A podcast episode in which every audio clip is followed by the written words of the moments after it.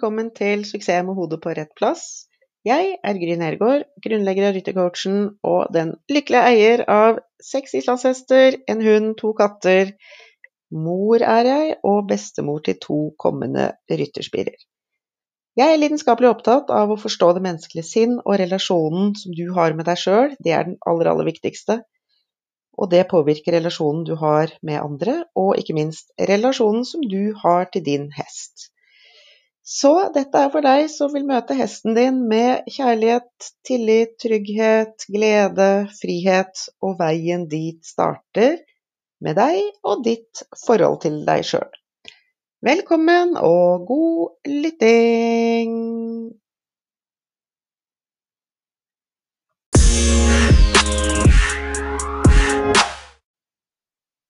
I dagens episode, som er episode 30 så skal jeg snakke om uh, tre tips til hvordan du kan føle deg som en uh, bedre rytter. Og hva som er uh, bakteppet for at du faktisk kan finne på å si til deg sjøl at du ikke er god nok. Og dette her har jeg, eller denne episoden her har jeg fått um, spørsmål om å lage av en eh, innsender som heter Lena, og hun skriver eh, følgende. Hei Gry, jeg har fulgt deg en god stund og vil takke for alle de fine tipsene i podkasten og i Facebook-gruppa Suksess med hodet på rett plass. Disse har vært til god hjelp for mange ting, men jeg klarer ikke å la være å si til meg selv at jeg ikke er en god nok rytter. Jeg kjenner at jeg er på vei til å miste motivasjonen, og det vil jeg ikke. Kan du lage en podkast om dette? Og selvfølgelig så vil jeg det, fordi at det er jo en av mine store drivkrefter. Det er jo å få folk til å øh, bli bevisst på bakteppet til eh, hvorfor man f.eks. nedsnakker seg sjøl. Hvorfor man tror på den herre shitty committee som sitter oppi hjernen, og som kan begynne å fortelle at man ikke føler seg god nok som rytter. At man ikke er flink nok, rett og slett. At man ikke får til, at man ikke mestrer. Og jeg har tenkt sånn mange ganger, og det er jeg helt overbevist om at du også har gjort. Og det kan være ulike årsaker til at vi nedsnakker oss eh, sjøl. Det kan være at man har en litt perfeksjonistisk oppførsel som strategi. At vi sammenligner oss med andre, ofte de rytterne som det er helt urealistisk å sammenligne seg med. Og at man har automatisert tankegangen 'jeg er ikke god nok'. Og jo mer du tenker sånn, jo kraftigere og sterkere vil det mønsteret og den måten å snakke til deg sjøl på selvsagt bli. Så heng med videre, så skal jeg snakke om hvorfor det blir det. Altså hvor, hva, hva, er bakteppet for at man faktisk går rundt og sier sånne ting til seg sjøl, selv, selv om man innerst inne vet at det er jo helt nyttesløst å holde på med. Og du skal også få eh, tre tips til hvordan du kan endre på dette her, sånn at du får tilbake følelsen av at du faktisk er en akkurat så god rytter som du er per i dag. Så heng med!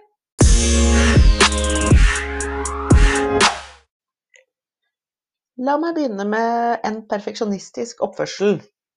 Det er kanskje en strategi om å være perfeksjonist mer enn god nok. Eh, være de der 110 prosentene som faktisk er helt umulig. Og en sånn strategi har du på et eller annet tidspunkt skapt. Eh, og det med et overordnet eh, mål. Alle strategier har et høyere mål.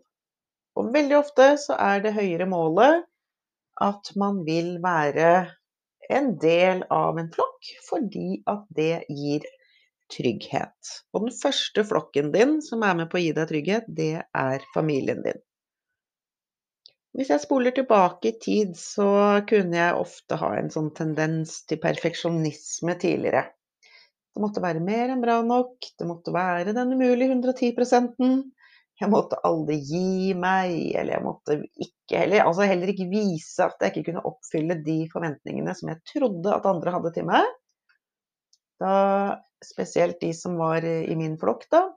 Og de forventningene som jeg etter hvert adopterte og ubevisst gjorde til mine forventninger. Sant? Dette her med å være perfeksjonistisk ga meg en sånn illusjon og tro på at jeg var god nok for flokken min. Og denne strategien den uh, brukte jeg uh, innenfor områder der jeg hadde um, dårlig selvtillit og dårlig selvfølelse. Der jeg følte at jeg mestra, det var jo Altså der trengte jeg jo ikke å ha den strategien. at der hadde jeg jo sånn grunnleggende god selvtillit og god tro. Men hvis vi da tenker på i forhold til spørsmålet, eller den, det ønsket da, til, til Lena som har sendt inn spørsmålet, så ønsker hun å vite noe om, om hvorfor hun ikke føler seg god nok. Og det handler jo faktisk om at, at hun har en strategi som sannsynligvis, sannsynligvis ble skapt da hun var ganske liten. Og så har den blitt ubevisst, og den har på en måte bare fortsatt å prege henne. Og, og preger henne nå innenfor det som handler om eh, ridning.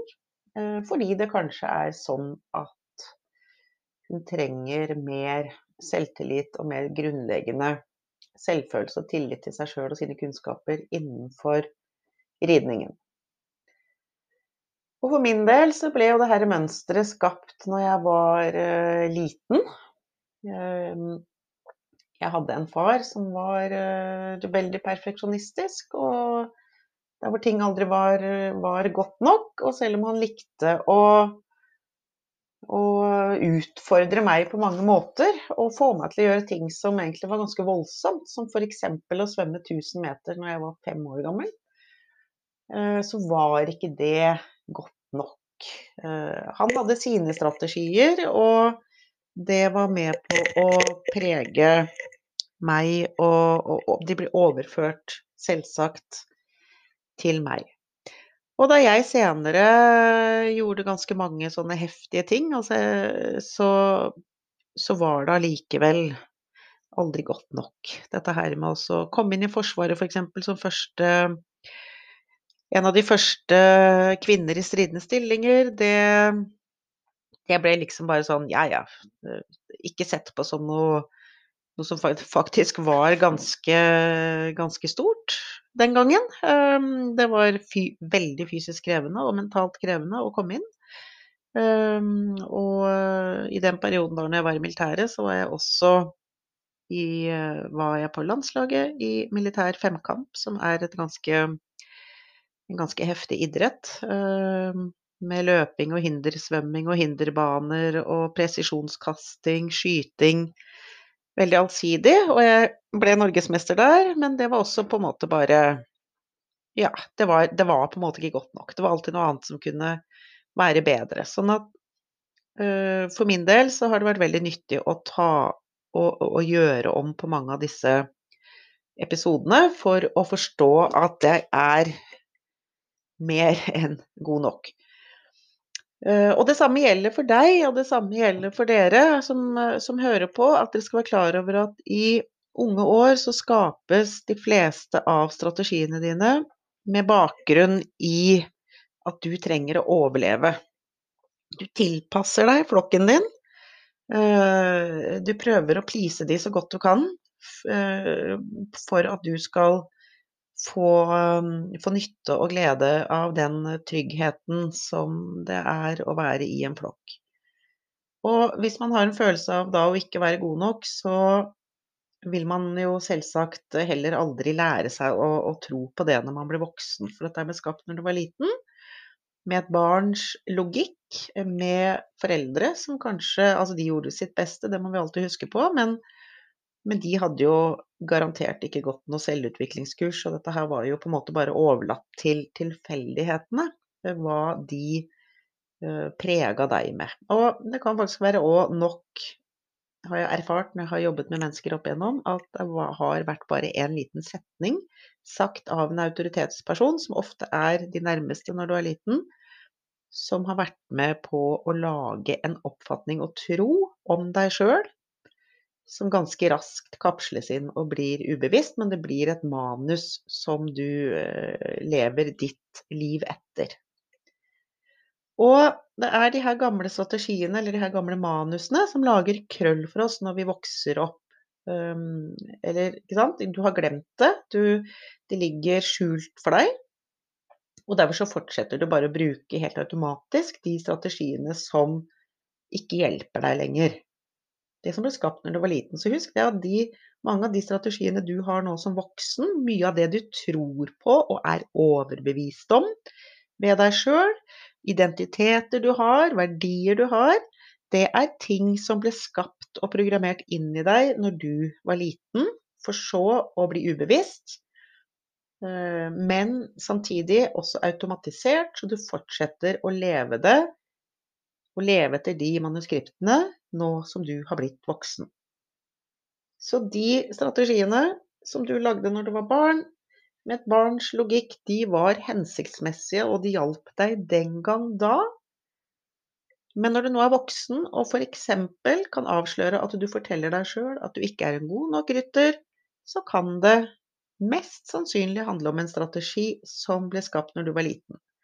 Den kan også ha blitt skapt når du har blitt større, den troen om at ikke du er god nok. Og det kan være at f.eks. et menneske som du har hatt tillit til og sett opp til, har fortalt deg at du ikke er god nok. Ikke sånn direkte, men i måten å f.eks. undervise deg på. Ehm, eller at du er i en stall hvor folk eh, nedsnakker, eh, slenger dritt og holder på. Eller at du har overhørt noe på et stevne etter at du har kommet ut av banen. Dette er sånne helt vanlige ting som jeg stadig har folk inne og, og får jobba bort.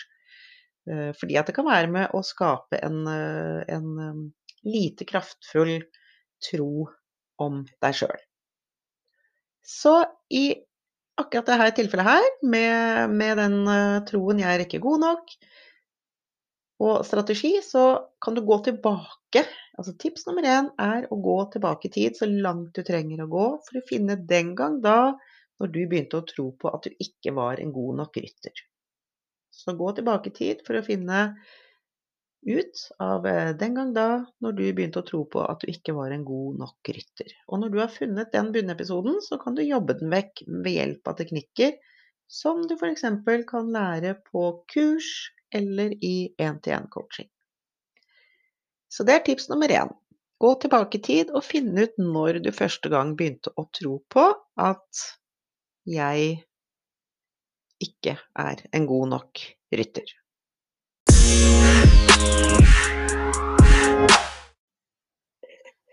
En annen vanlig ting å gjøre for å forsterke at man ikke er god nok, det er å sammenligne seg med andre. Så hvis du tar utgangspunkt nå at du som liten, eller eh, som voksen for den saks skyld, har laget deg en strategi som handler om at uh, 'jeg er ikke god nok', og denne overbevisningen, den er helt sann for deg. Du tror fullt og helt på det. Det som skjer da, er at du begynner å lete etter bevis for at dette er sant. Fordi å finne bevis for noe du tror på, det gir deg en følelse av trygghet. For det er det du tror på, det må være sant, og du trenger å finne bevis. Så en veldig vanlig måte å, å gjøre det på, er å sammenligne seg med andre. Jeg kan ta et eksempel. Eh, for noen år tilbake så kom det en eh, konkurranserytter eh, inn på mitt kontor. Hun het Silje, vi kan kalle henne Silje. Og hun var eh, i 20-årene. Perfeksjonist, og ikke noe var godt nok hvis det ikke var 110% Det var aldri bra nok. Så det vil si, hun satte seg jo sjøl virkelig opp til nederlag gang på gang, selv om hun var en god rytter. Hun øh, red til gode poenger, men hun var sikker på at hun ikke var en god nok rytter. Og det var helt sant, og hun fant bevis overalt. Så det som er med på å forsterke det, det er jo det at hun f.eks. bruker sosiale medier og scroller rundt der, sammenligner seg med mennesker der som hun ikke kjenner f.eks., eller som det er helt urealistisk å sammenligne seg med, fordi at det er mennesker som kanskje har ikke sant? Vi har alle ulike forutsetninger, så det å sammenligne seg med andre, det er, har absolutt uh, ingen hensikt når det kommer til å bygge god uh, selvfølelse. Og hun sammenlignet seg alltid mot uh, med konkurrentene sine. noe som gjorde at hun også fikk helt, helt feil fokus. Men hun gjorde det fordi at hun trengte å finne bevis overalt på at hun ikke var god nok. Hun trengte å se alle de andre som var så veldig mye bedre. Det var det eneste hun så, og det var det som var med på å forsterke hennes tro på at hun ikke var eh, god nok. Så her hjalp det ikke å snakke sånn logisk og fornuftig og til den delen av hjernen og si at ja, men du er jo god nok, og se på resultatene dine, se på tallene dine, eh, bla, bla, bla. Alt dette her som man fort kan begynne å gjøre. Det som man faktisk må gjøre når man kommer inn i sånne inn i, inn i sånne troer som dette her, som er skapt langt tilbake i tid, det er uh, at man må gå inn og rydde opp det viruset, det tankeviruset, som ligger i underbevisstheten. Det tankeviruset som ligger der og styrer deg. Og som får deg til å ta en hel del valg som ikke gagner deg og din utvikling, og ikke gagner deg og ditt forhold til uh, hesten din og til deg sjøl på noen som helst måte, men det er med på å forsterke den troen på at du ikke er eh, god nok. Og hjernen vår, den har tre hovedfiltre som eh, skal hjelpe deg med å sile ut informasjon, sånn at ikke du blir, eh, blir helt overload i hodet ditt. De filtrene trenger vi. Og disse filtrene de blir programmert av det du tror på, så den slipper bare gjennom bevis for det du tror på. Så et av hjernens hovedfiltre det er å utelate informasjon.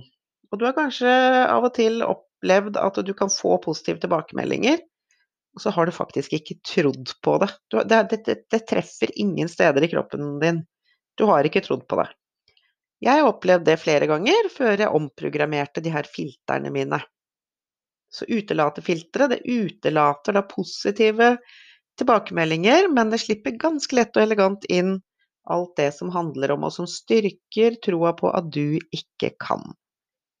Så her må man inn og reprogrammere uh, dette filteret. Du har også to filtre til, og det andre er å generalisere inntrykk du får. Hvis du ikke er god på ett område i livet ditt, så generaliserer du det ut på alle de andre livsområdene dine også. Så i det tilfellet her med Silje, så måtte vi jo jobbe oss tilbake i tid og finne ut av når denne troen ble skapt. Og om det i det hele tatt ble skapt fra noe som handla om hest. Og det var ikke tilfellet. Det her ble skapt ut ifra noe helt annet helt tilbake i en alder da hun var fire-fem år gammel. Um, men der har vi jo de filtrene, ikke sant. Da kom filteret inn og begynte å generalisere at det var aldri godt nok. Og det ville jo da også være uh, Silje som rytter, eller deg som rytter. Hvis du begynner å leke deg med dette her nå, og finne ut av hvordan har du egentlig programmert dine filtre, eller har du reprogrammert de? Er de nå programmert av en voksen, eller er det uh, ubevisst programmert fra dine foreldre den gang du var liten? Så det var utelatefiltre, f.eks. at du utelater positive tilbakemeldinger, eller at du generaliserer 'jeg er ikke god nok' innenfor alle dine livsområder. Og så er det det med å fortrenge. Det er også et uh, er også et eh, filter, og det kan handle om at du rett og slett fortrenger de gangene som du har opplevd at du virkelig, virkelig lykkes. At en måte å fortrenge det på kan være at man liksom Ja, ja, nei, men det var jo ikke så godt nok, og så glemmer man det bare. Dytter det bare bort istedenfor å sette lommelykta og opplyse og lyse opp virkelig de gangene som du kjenner at wow, nå er jeg i god flyt. Nå er jeg liksom indre ro. Nå er jeg i Nå tror jeg på Virkelig tror jeg på at dette kan jeg få til. Nå kjenner jeg på gleden når jeg får det til.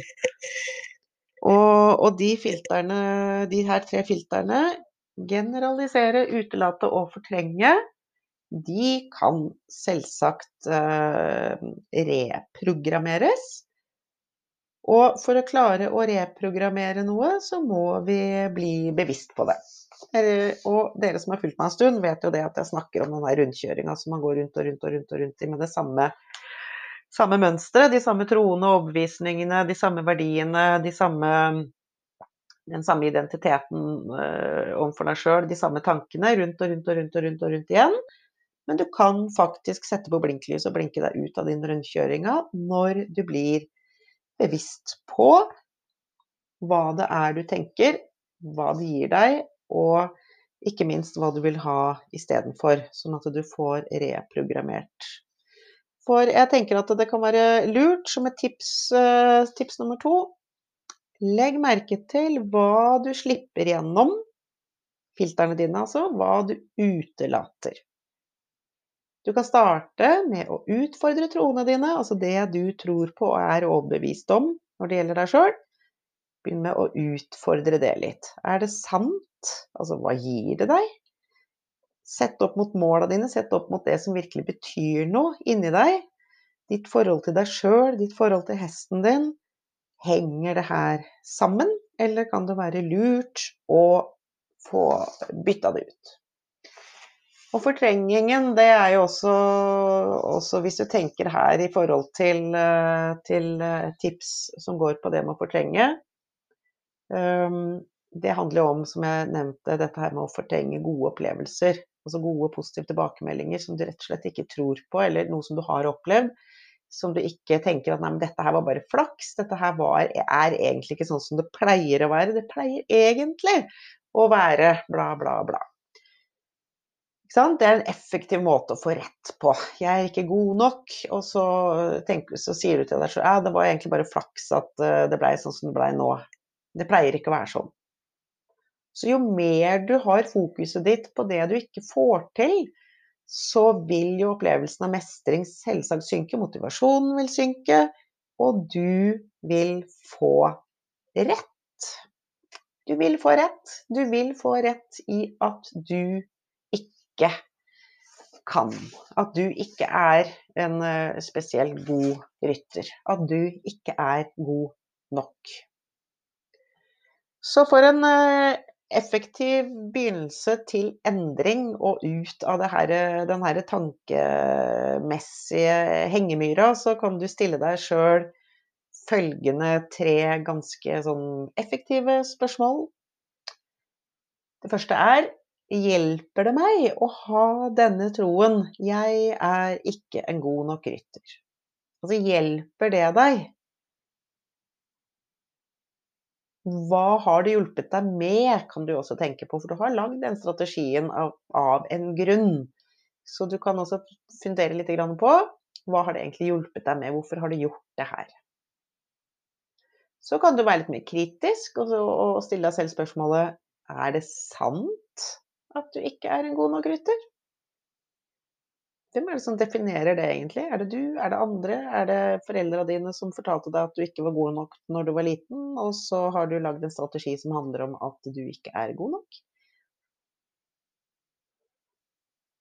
Og det tredje og siste spørsmålet hvordan ville det være for deg hvis du ikke kunne tenke den tanken 'jeg er ikke en god nok rytter'? Hvis den tanken var helt vekk, hvordan ville det vært for deg da? Og hva ville du faktisk erstatte den med som du kan tro på? Tenk litt på det, reflekter over det.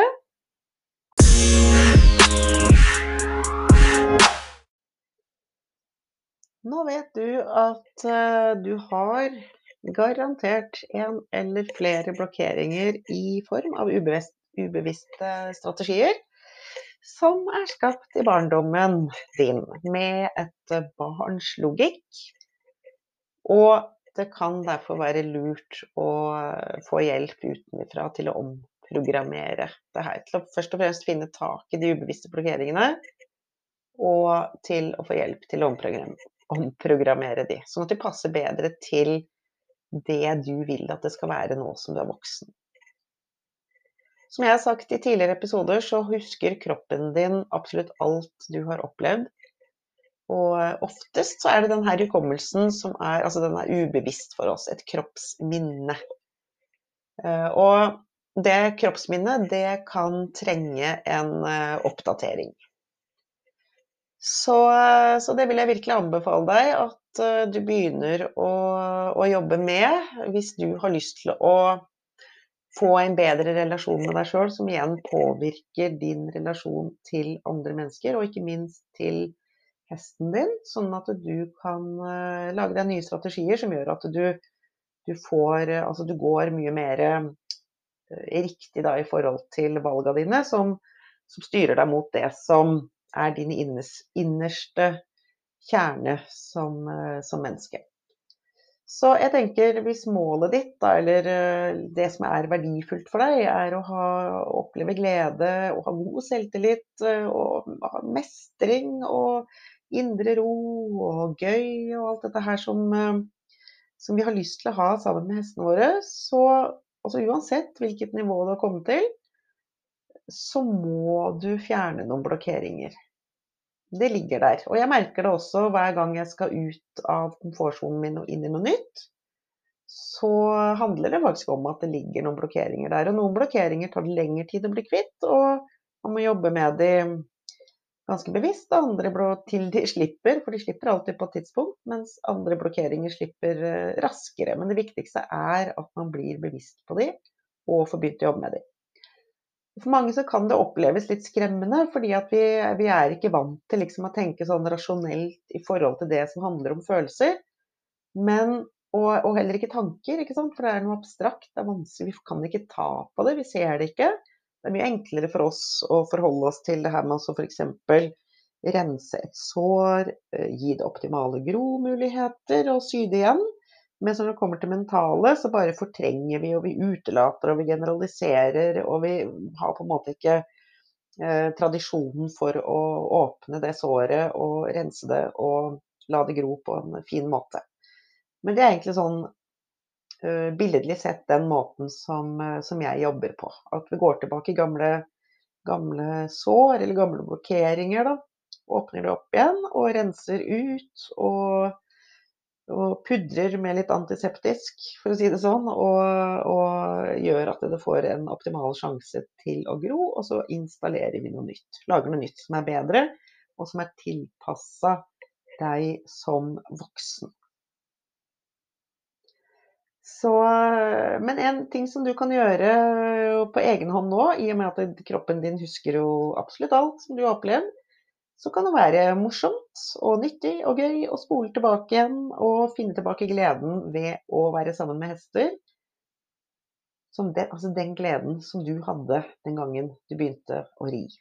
Og jeg husker veldig godt uh, de første åra på rideskolen, og jeg husker ikke minst veldig godt den lille annonsen som sto i lokalavisa vår, med bilde av tre islandshester, lite svart-hvitt bilde, og at det skulle begynne rideskole der hvor jeg bodde.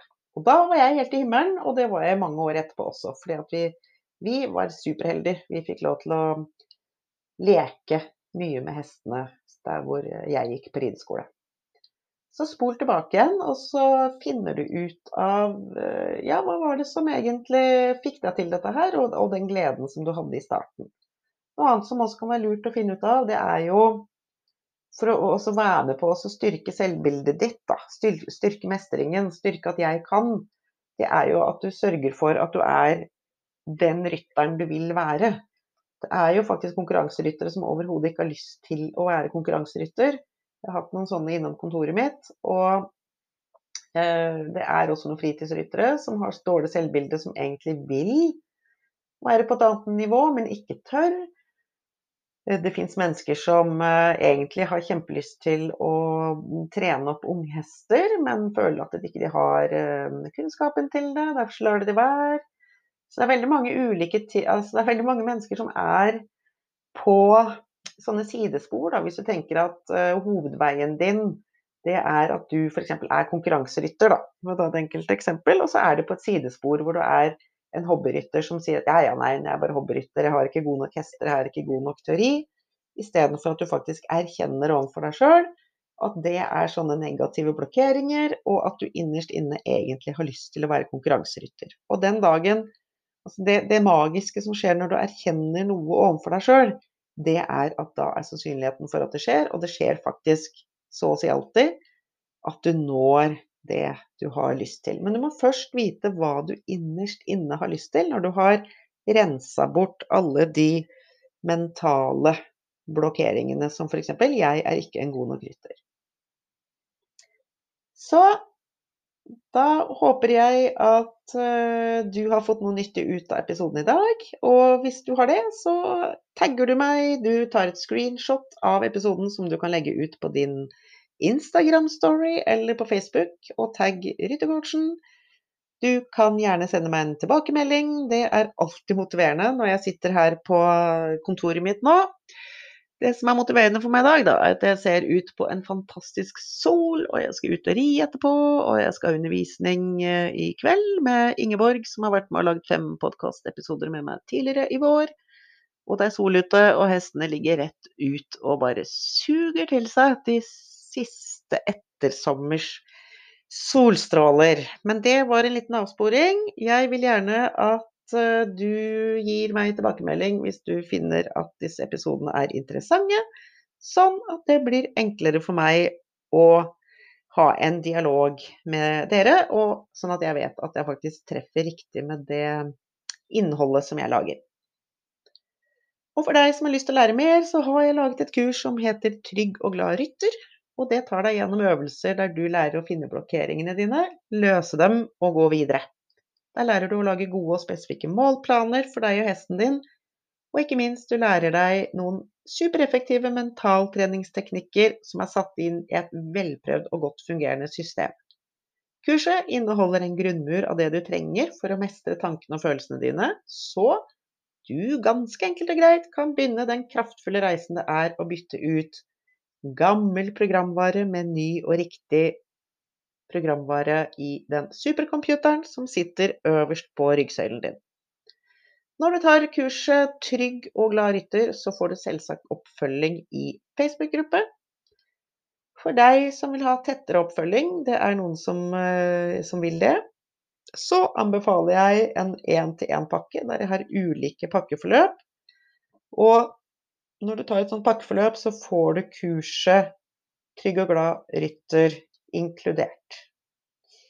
Så er dette noe for deg, så, eller du vil vite om det er noe for deg, eller ta en liten prat om hva som passer best for deg, så ta kontakt på gry.ryttercoachen.no. Så finner vi ut hva som passer best for deg. Ha det, og tusen takk for at du har brukt tida di på å høre på podkasten i dag. Vi ses i neste episode.